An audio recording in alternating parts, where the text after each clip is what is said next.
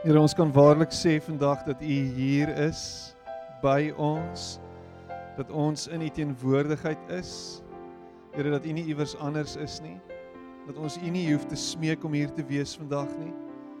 Here dat U hier is omdat U by ons wil wees deur die Gees, dat U by elkeen van ons wil stil staan, dat U met elkeen van ons 'n ontmoeting wil hê in hierdie oomblik, dat U in elkeen van ons se lewens wil inspreek en ons nooi om U te volg.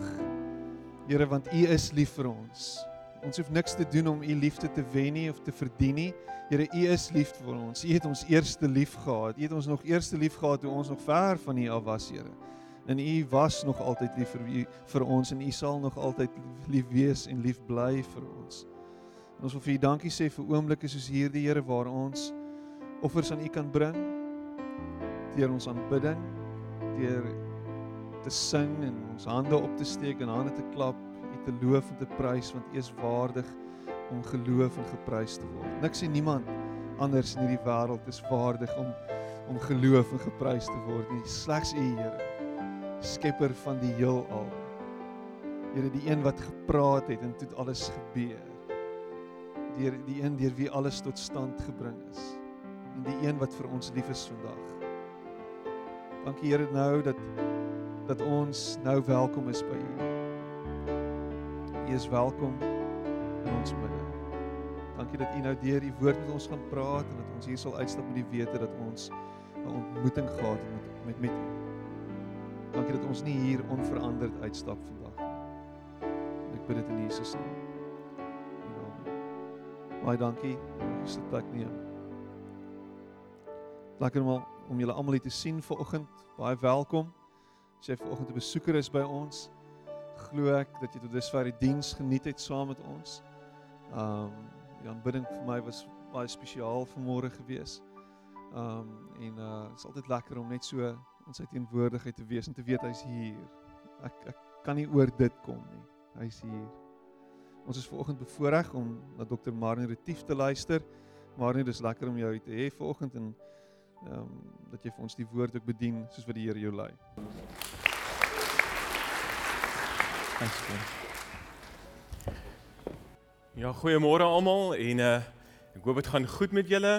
Laat ek eers sien wie was nou Vrydag aand by die groot uh tenniswedstryd gewees? Waar is Janne? Nou ja, ek verstaan uh Federer het die ding gedoen. Uh wie's bly daaroor? Wie's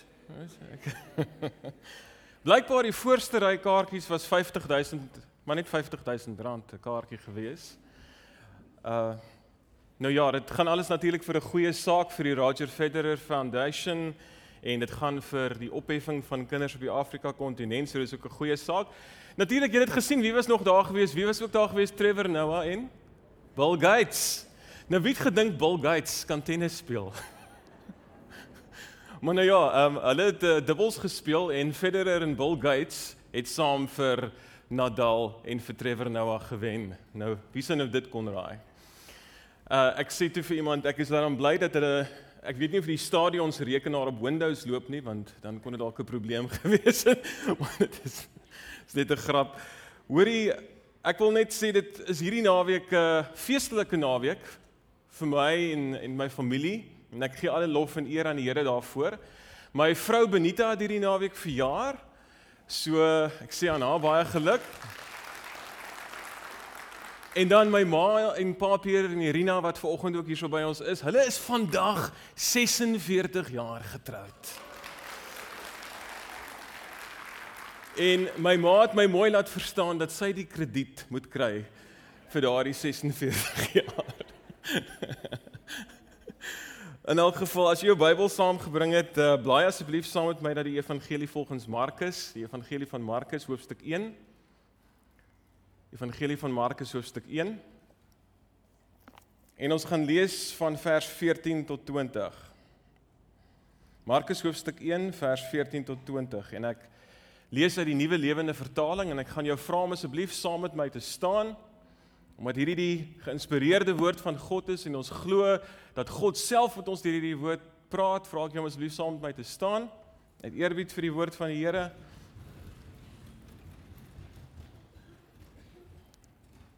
Die Heilige Gees sê deur Markus, later nadat Johannes gearresteer is, het Jesus na Galilea toe gegaan om God se goeie nuus aan te kondig. Hy het gesê die tyd het aangebreek. God se koningsheerskappy gaan nou enige oomblik begin. Kom tot inkeer en glo die goeie nuus. Op 'n dag terwyl Jesus langs die see van Galilea loop, sien hy hoe Simon en sy broer Andreas hulle visnette in die see uitgooi, want hulle was vissers van beroep. Jesus het na hulle geroep: "Kom, word my disippels en ek sal julle vissers van mense maak." Die grondteks beteken daar letterlik: "Volg my." En hulle het dadelik hulle nette gelos en saam met hom gegaan. 'n Entjie verder langs die strand het Jesus die twee seuns van Zebedeus, Jakobus en Johannes, in 'n skei gesien terwyl hulle besig was om hulle nette heel te maak. Hy het hulle ook geroep. En dadelik het hulle hulle pa en sy werksmense net so gelos en saam met Jesus gegaan. Dit is die woord van die Here. Almagtige Here, dankie vir u lewende woord. U lewende woord wat kragtig is om ons lewens te verander. Here, ons bid dat U in hierdie oggend deur die krag van die Heilige Gees hierdie woord vir ons sal lewend maak, dat U met ons sal praat deur hierdie woord, Here. En ons gee vir U al die lof en die eer daarvoor. Amen. Jy kan jou sitplek neem. Wie van julle herken die gesig van die man hier agter my? Lyk like hy enigstens bekend vir enigiemand? As ek moet raai, dink ek die meeste van julle sal vir my sê julle het geen idee wie hierdie man is nie. En weet wat, ek sal jou ook nie kwaadlik neem as jy dit vir my sê nie. Hy's nie 'n bekende akteur nie. Hy's nie 'n bekende politikus of 'n bekende sakeman of 'n reality show ster nie. Hy's nie 'n sokkerster of 'n tennisster of een of ander popsanger of televisiepersoonlikheid nie.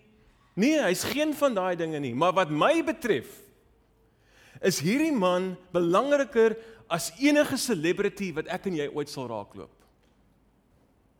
Wat my betref, behoort elke Christen, elke persoon wat hulle self 'n disipel noem, 'n volgeling van Jesus noem, behoort kennis te neem van hierdie man se lewe. So wie is hy? Sy naam is Lawan Andimi. Lawan Andimi.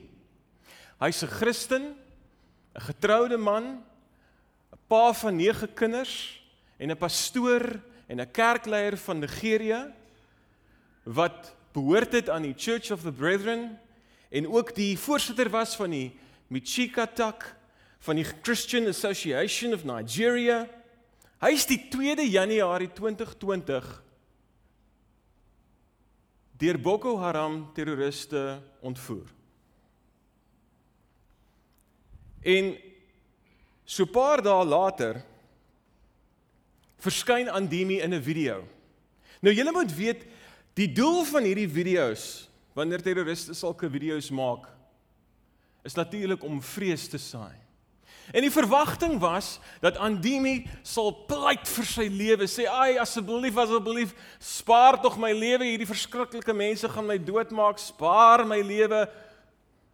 Maar nee, dis nie wat hy gedoen het nie. Hy het die geleentheid gebruik om eer aan God te bring.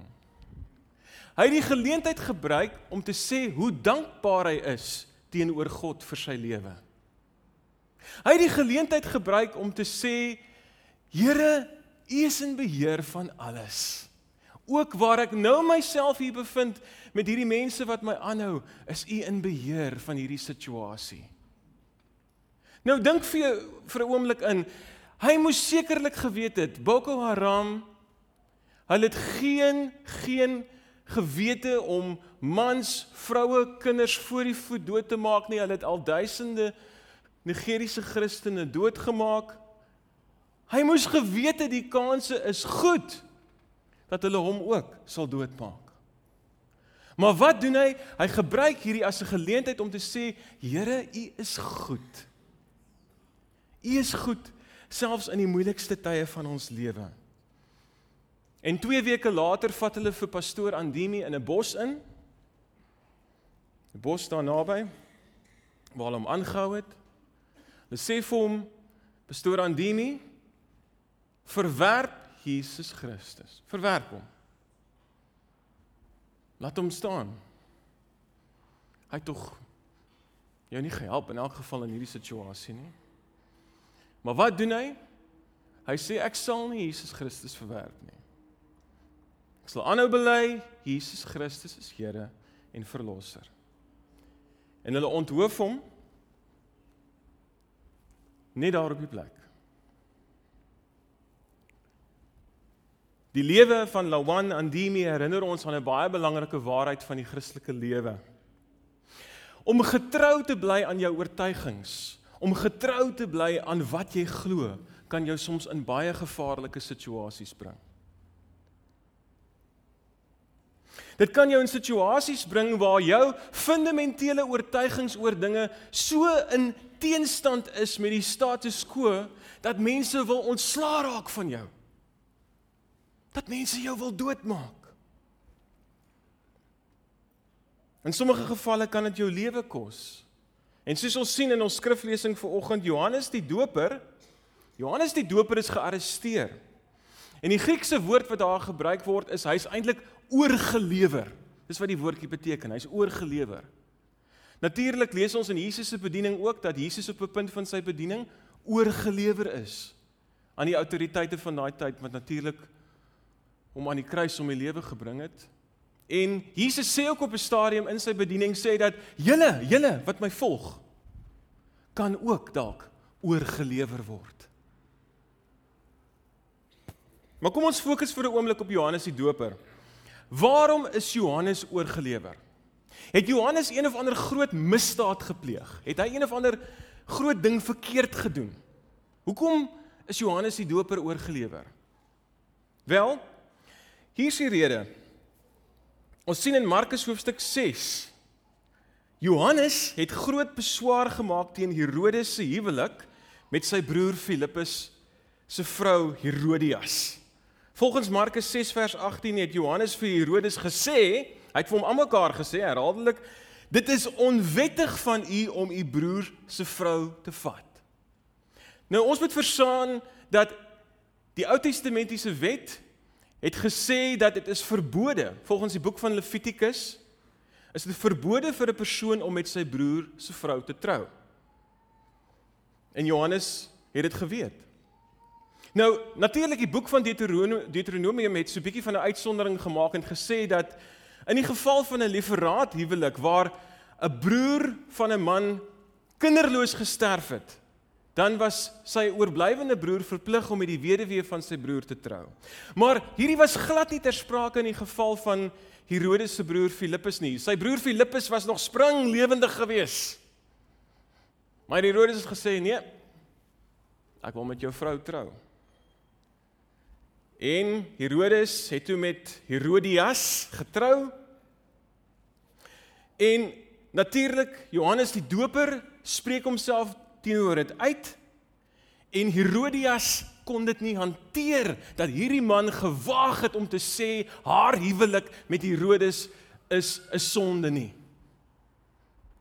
Sy kon dit nie hanteer nie. Elke slag as sy vir Johannes die Doper gesien het, was sy op die plek kwaad gewees.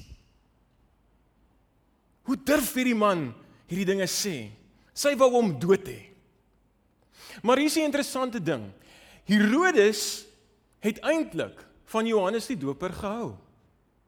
Ja, hulle het hulle verskille gehad. Hulle het fundamentele verskille gehad met sekere dinge, maar hy het eintlik groot respek vir Johannes die Doper gehad.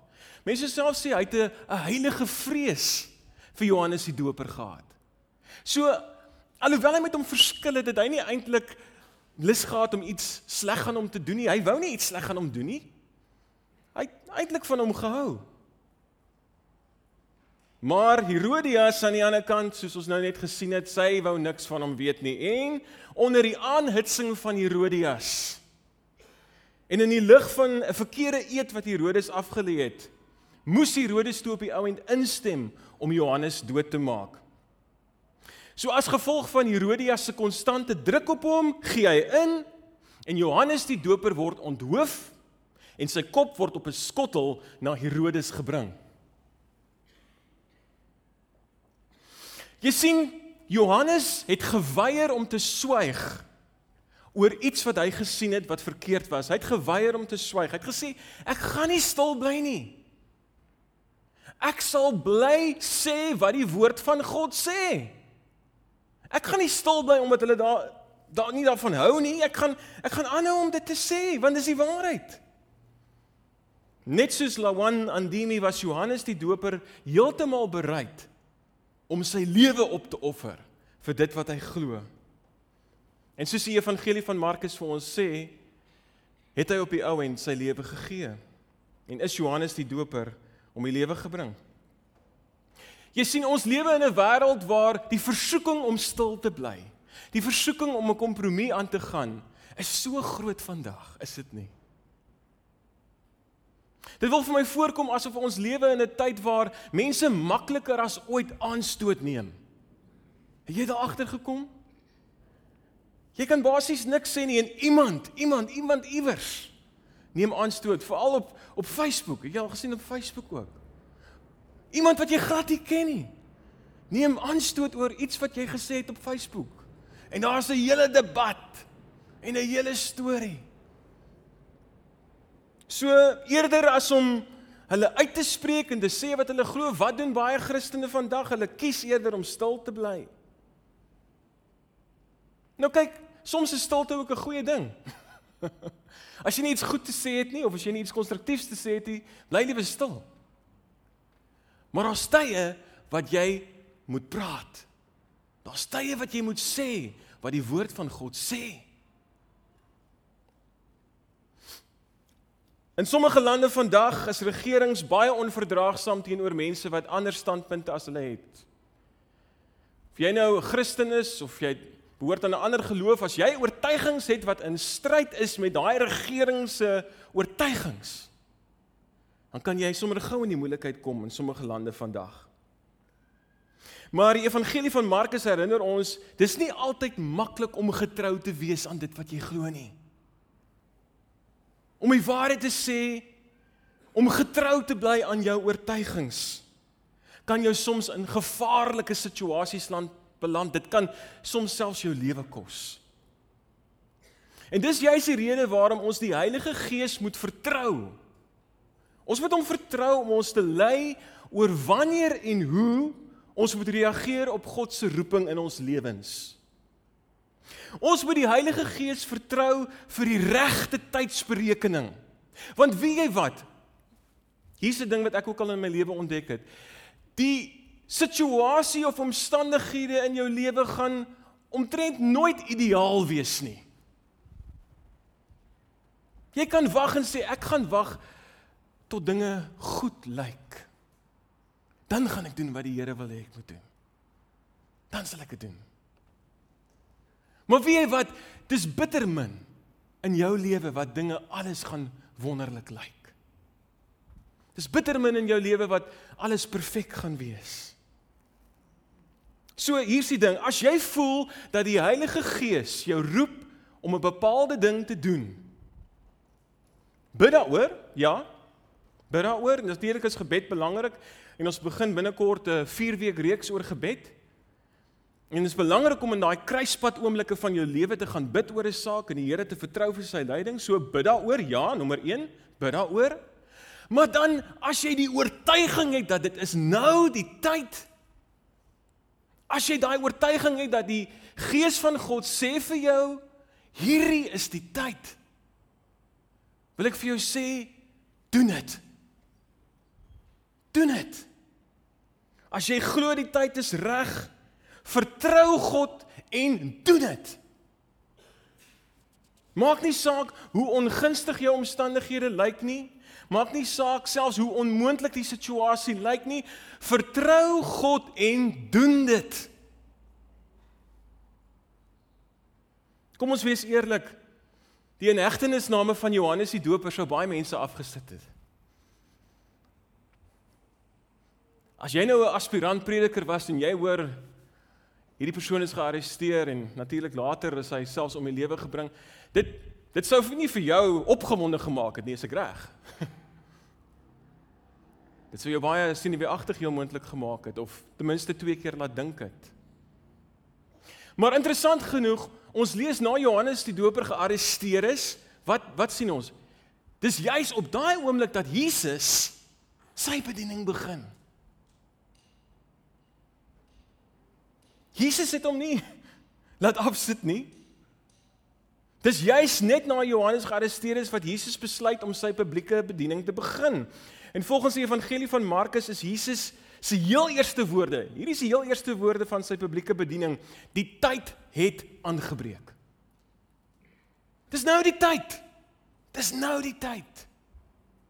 In die konteks van Jesus se bediening is hierdie woorde baie belangrik want dit dui daarop dat die tyd van God se beslissende optrede in die geskiedenis van die mensdom het nou gekom. Al die beloftes wat hy deur die eeue gemaak het, dis nou die tyd wat die Here sy verlossingsplan in vervulling gaan bring. Hierdie was die oomblik, dit was die tyd. Nou. Winston Churchill het vroeg in sy loopbaan amper die toppunt van politieke mag bereik. Op 33 jarige ouderdom was hy een van die mees gevierde sprekers gewees in Brittanje en mense het met groot prys van hom gepraat en wonderlike dinge oor hom gesê.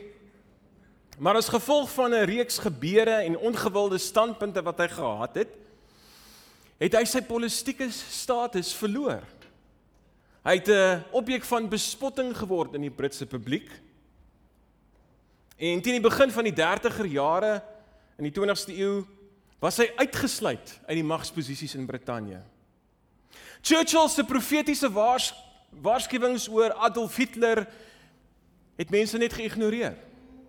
Die Britse publiek op daai stadium wou niks hoor van die gevare van Hitler nie. Hulle wou 'n boodskap van vrede en rekonsiliasie en onderhandeling hoor. Hulle het gedink hy is 'n opstoker en hy maak mense onnodig onrustig en bang oor Hitler. Maar ek sê jou sê, toe Groot-Brittanje in die Tweede Wêreldoorlog gedompel is, was Churchill 65 jaar oud gewees. Hy kon al op pensioen gegaan het op daai stadium. Hy kon sy staatspensioen gevat het as hy wou. Maar juis op daai oomblik van sy lewe, op 65 jarige ouderdom, wend die Britse publiek hulle tot Churchill. Daai oomblik. En soos ons almal weet, hy het 'n ongelooflike rol gespeel om in die donkerste dae van die Tweede Wêreldoorlog die Britse nasie bymekaar te hou en staande te hou teen die aanvalle van die nasies. En hy het hulle gelei op die ou en tot oorwinning. Jy sien, jy moet op die regte oomblik wanneer jy glo die oomblik het aangebreek moet jy op God vertrou en dit doen wat hy jou roep om te doen. Moenie toelaat dat jou huidige omstandighede jou afskrik nie. As jy voel die Heilige Gees roep jou om iets te doen, as jy voel die tyd is reg, vertrou God en doen dit. Maar hier's 'n baie interessante ding. Dit maak nie saak wat jou spesifieke roeping in die lewe is nie. Ons almal moet mense nooi om die evangelie van Jesus Christus te glo. So sommige van ons is rekenmeesters, van ons is dokters, van ons is konstruksiewerkers, van ons is verpleegsters. Tog, dis irrelevant wanneer dit kom by die algemene roeping wat jy het as 'n volgeling van Jesus. En wat's daai algemene roeping? Almal van ons word geroep om die goeie nuus te verkondig dat die koninkryk van God in Jesus Christus aangebreek het. Soos Jesus dit stel, die tyd het aangebreek, God se koningsheerskappy gaan nou enige oomblik begin, kom tot inkeer en glo die goeie nuus. En aan die einde van die evangelie van Markus sê Jesus vir sy disippels: "Gaan die hele wêreld in en verkondig die goeie nuus aan almal oral." Jesus se opdrag om die evangelie te verkondig is uiteindelik gerig aan elkeen van ons. Maak nie saak hoe moeilik of selfs onmoontlik jou situasie lyk nie. Jy's geroep om hom te volg. En ons het goeie nuus om te deel. So ons almal word geroep om hierdie goeie nuus te deel en die ding is ons het mos almal verskonings ook soms. Daar's mense wat sê ag wie hy pastore en sendelinge, ehm um, evangeliste. Dis hulle wat geroep word om die evangelie te deel. Hulle word mos betaal daarvoor. Of as mense wat sê ag wie hy wat ehm um, ek is eintlik maar 'n bietjie van 'n skaam ouetjie. Ek is nie regtig iemand wat met mense wil praat oor Jesus nie. Ehm um, so ag wie wat ek gaan nou nie eintlik dit doen nie. Of as mense wat sê, "Maar maar nou as ek moet sê uh dat Jesus is die enigste weg en die waarheid en ek moet mense daarvan vertel, dan gaan iemand dalk ontsteld wees daaroor, maar nou dan gaan iemand dalk aanstoot neem."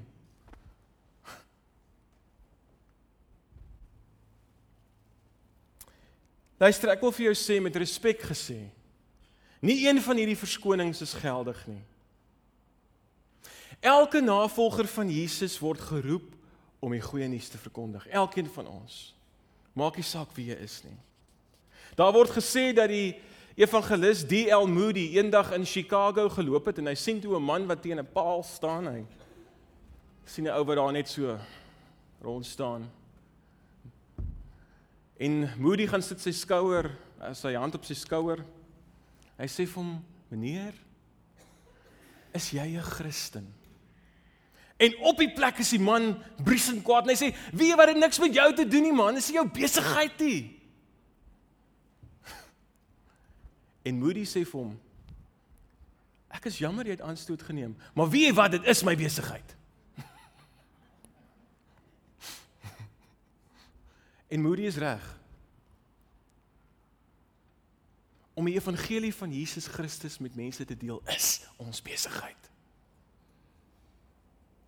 Maak nie saak wie jy is of wat se beroep jy volg nie, dit is jou besigheid om die evangelie van Jesus te verkondig. Elke navolger van Jesus moet dit doen. Maar daar's iets belangriks wat ek jou aan wil herinner. Jy kan die goeie nuus verkondig. Jy kan mense vertel van Jesus, Maar jy kan dit nie effektief doen nie. Jy kan dit nie met oortuiging doen as jy nie self eers 'n disipel is nie. Ek weet dit klink dalk van selfsprekend, maar dis iets wat ons soms miskyk. Om disippels te kan maak, moet jy 'n disipel wees.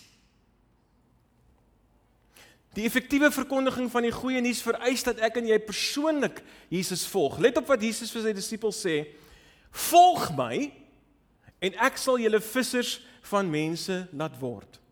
So wat is Jesus se eerste woorde? Volg my. Voordat Jesus sy disippels vissers van mense maak, moet hulle eers reageer op daai opdrag om hom te volg. En dieselfde is vandag steeds waar van ons. Christene raak soms betrokke in eindelose debatte oor wat is nou die regte evangelisasie metode. Dan mense nou allerlei stories oor, moet jy nou konfrontasie gebaseerde evangelisasie metodes gebruik? Moet jy intellektuele evangelisasie metodes gebruik? Of moet jy verhoudingsgebaseerde evangelisasie metodes gebruik? En allerlei debatte oor dit. Maar ek wil vir jou sê al daai metodes en goedjies maak niks saak as jy nie self 'n navolger van Jesus is nie. As jy nie self eerstens 'n disipel van Jesus is nie, maak al daai stories oor metodes glad nie saak nie.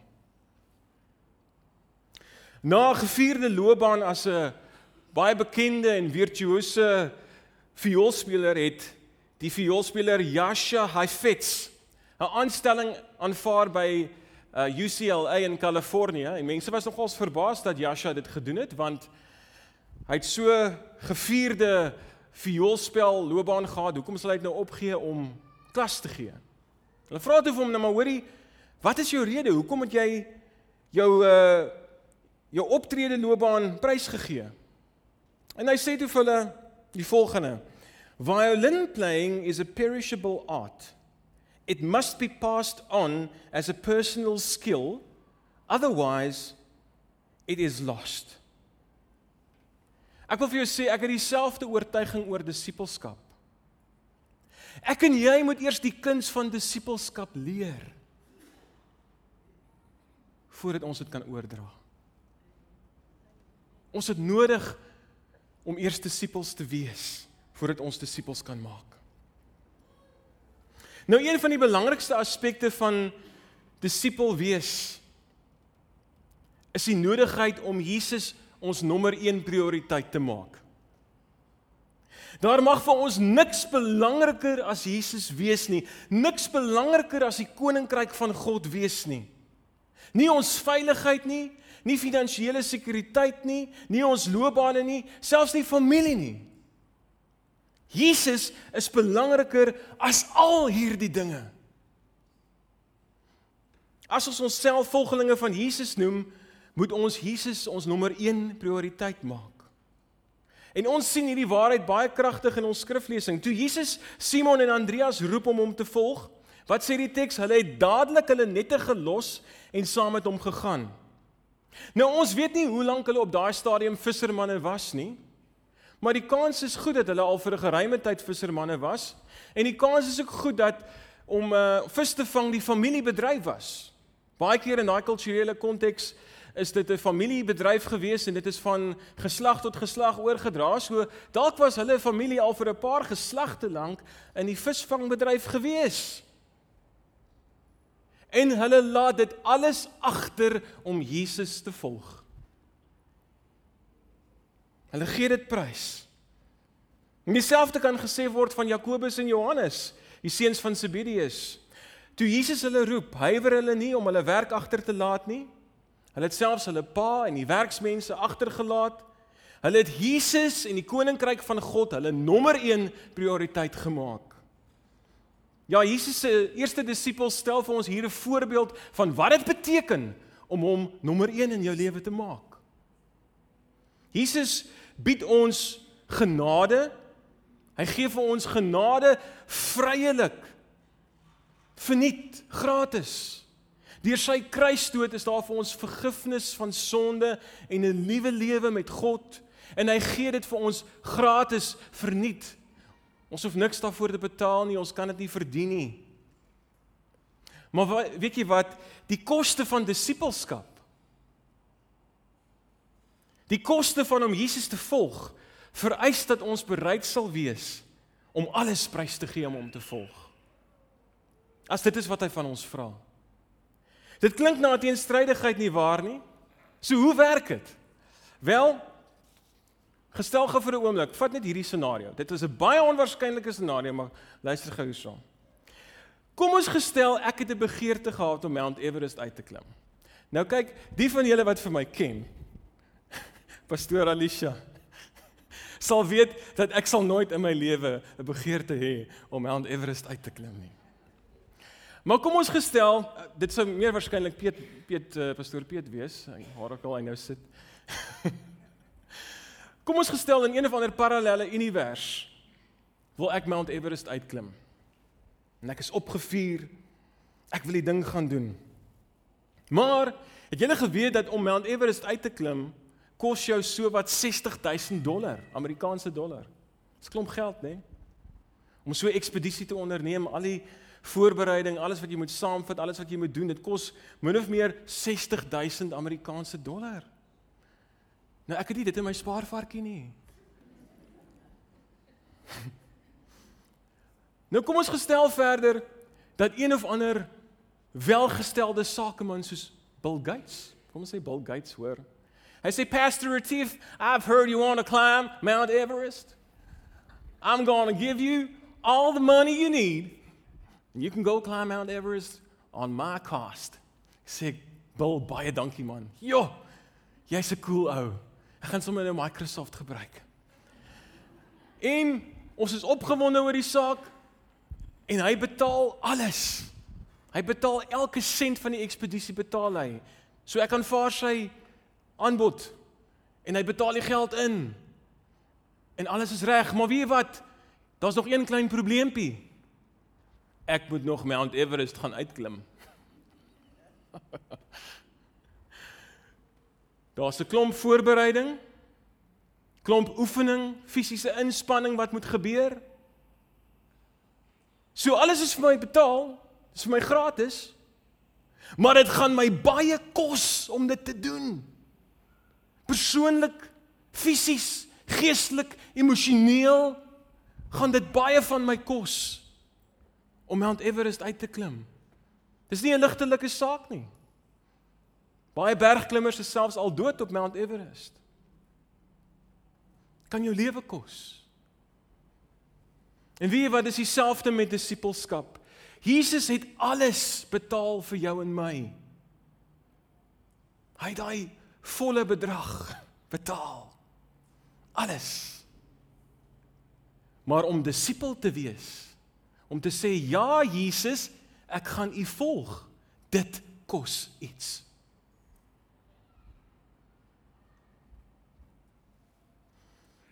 Dit was die Duitse teoloog Dietrich Bonhoeffer wat om die lewe gebring is deur die nasies.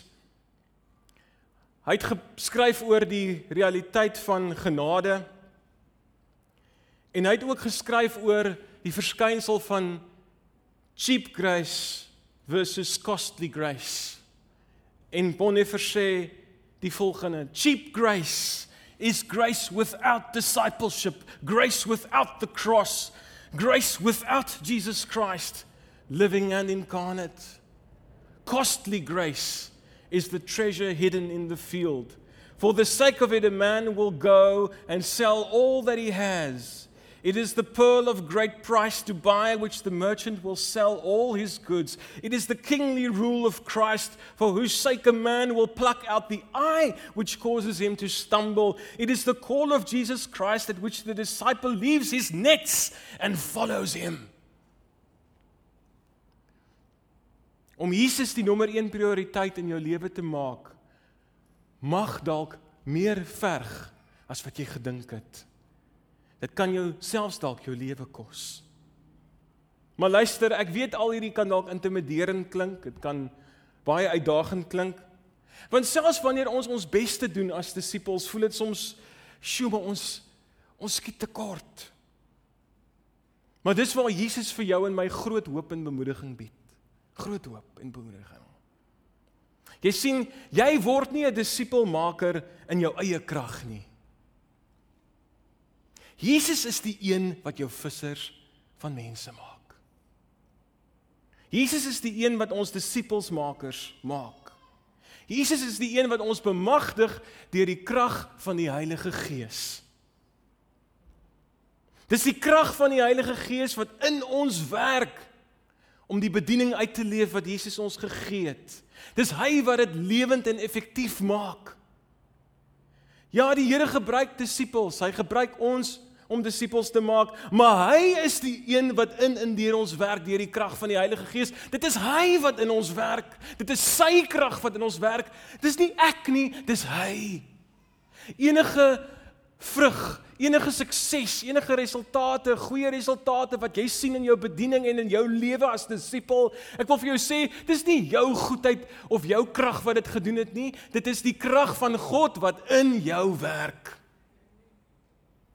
Dis hy. Dis hy wat in en deur jou werk. So onthou, gee vir God die eer. Alle lof en eer kom hom toe.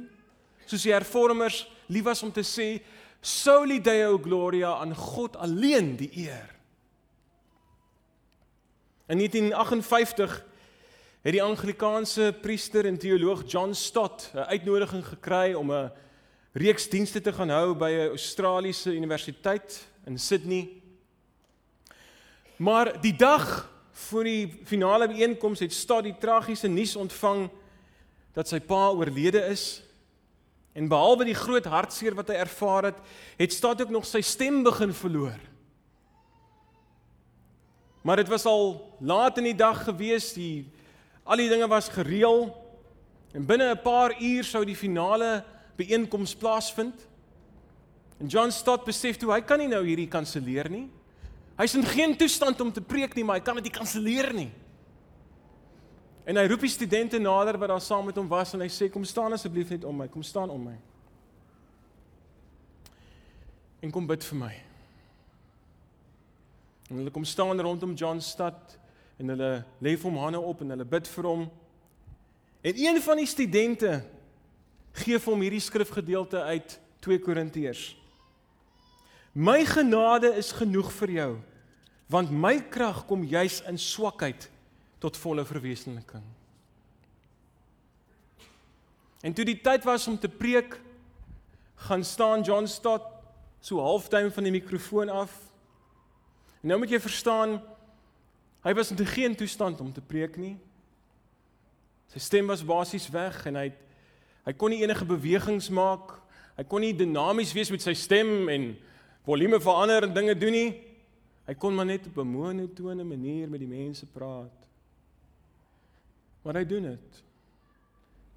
En hy deel die evangelie daai dag met al die studente wat daar teenwoordig is.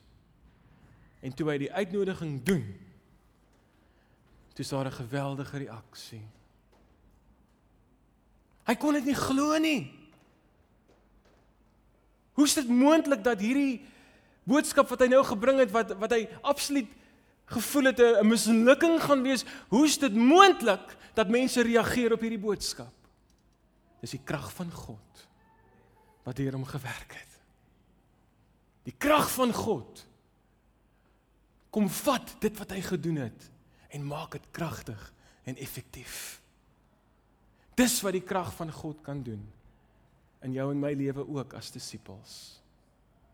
En alle eer en lof kom hom toe daarvoor. Ek kom terug na pastoor Lawan Andimi. Die man hier op die skerm. Van sy laaste woorde wat hy gepraat het, sy laaste boodskap wat hy gebring het. 2 weke voor Boko Haram hom onthoof het. In daai gijslaer video wat hy 2 weke voor sy dood opgeneem het, sê hy die volgende. Luister mooi. By the grace of God, I will be together with my wife, my children and my colleagues. But if the opportunity has not been granted, maybe it is the will of God. Be patient, don't cry, don't worry, but thank God for everything. I believe that he who made them to act in such a way is still alive and will make all arrangements. I have never been discouraged because all conditions that one finds himself in is in the hands of God. God who made them to take care of me and to leave me with my life. Mag die Here ons help om disippels te wees wat sal aanhou om Jesus te volg tot die einde van ons lewe. Selfs al kos dit dalk ons lewe. Kom ons bid saam. Almagtige Here, dankie Dankie dat U vir ons alles gedoen het, Here Jesus. Met U kruisdood en U opstanding het U vergifnis van sonde en nuwe lewe vir elkeen van ons moontlik gemaak, Here. En ons sê vir U dankie daarvoor, Here. Dankie dat U ons nooi om U disippels te wees. Dankie dat U sê volg my. Here, ek glo elkeen van ons wat vandag hier is. Ek glo werklik ons wil U volg. Ons wil U disippels wees. Here gee dit ons sal besef dit is U krag wat in en deur ons werk. Ons kan nie sonder U nie, Here. Ons kan nie sonder U nie. Ons het U krag nodig om U disippels te wees. Here help ons om die voorbeeld van mense soos Lawan Andimi te volg. En getroue disippels te wees. Al is die omstandighede teen ons, al sê mense vir ons bly stil, moenie praat nie. Laat ons aanhou praat van dit wat Jesus gedoen het. Van die genade, van die vrede, van die nuwe lewe wat daar in hom is. Dat ons nie sal stil bly nie, Here, dat ons sal aanhou, aanhou om Jesus se naam te verkondig aan die mense rondom ons. En ja, Here, aan die einde van die dag, wanneer alles gesê en gedaan is, sê ons alle lof en eer kom U toe, Here, tot in ewigheid. Amen.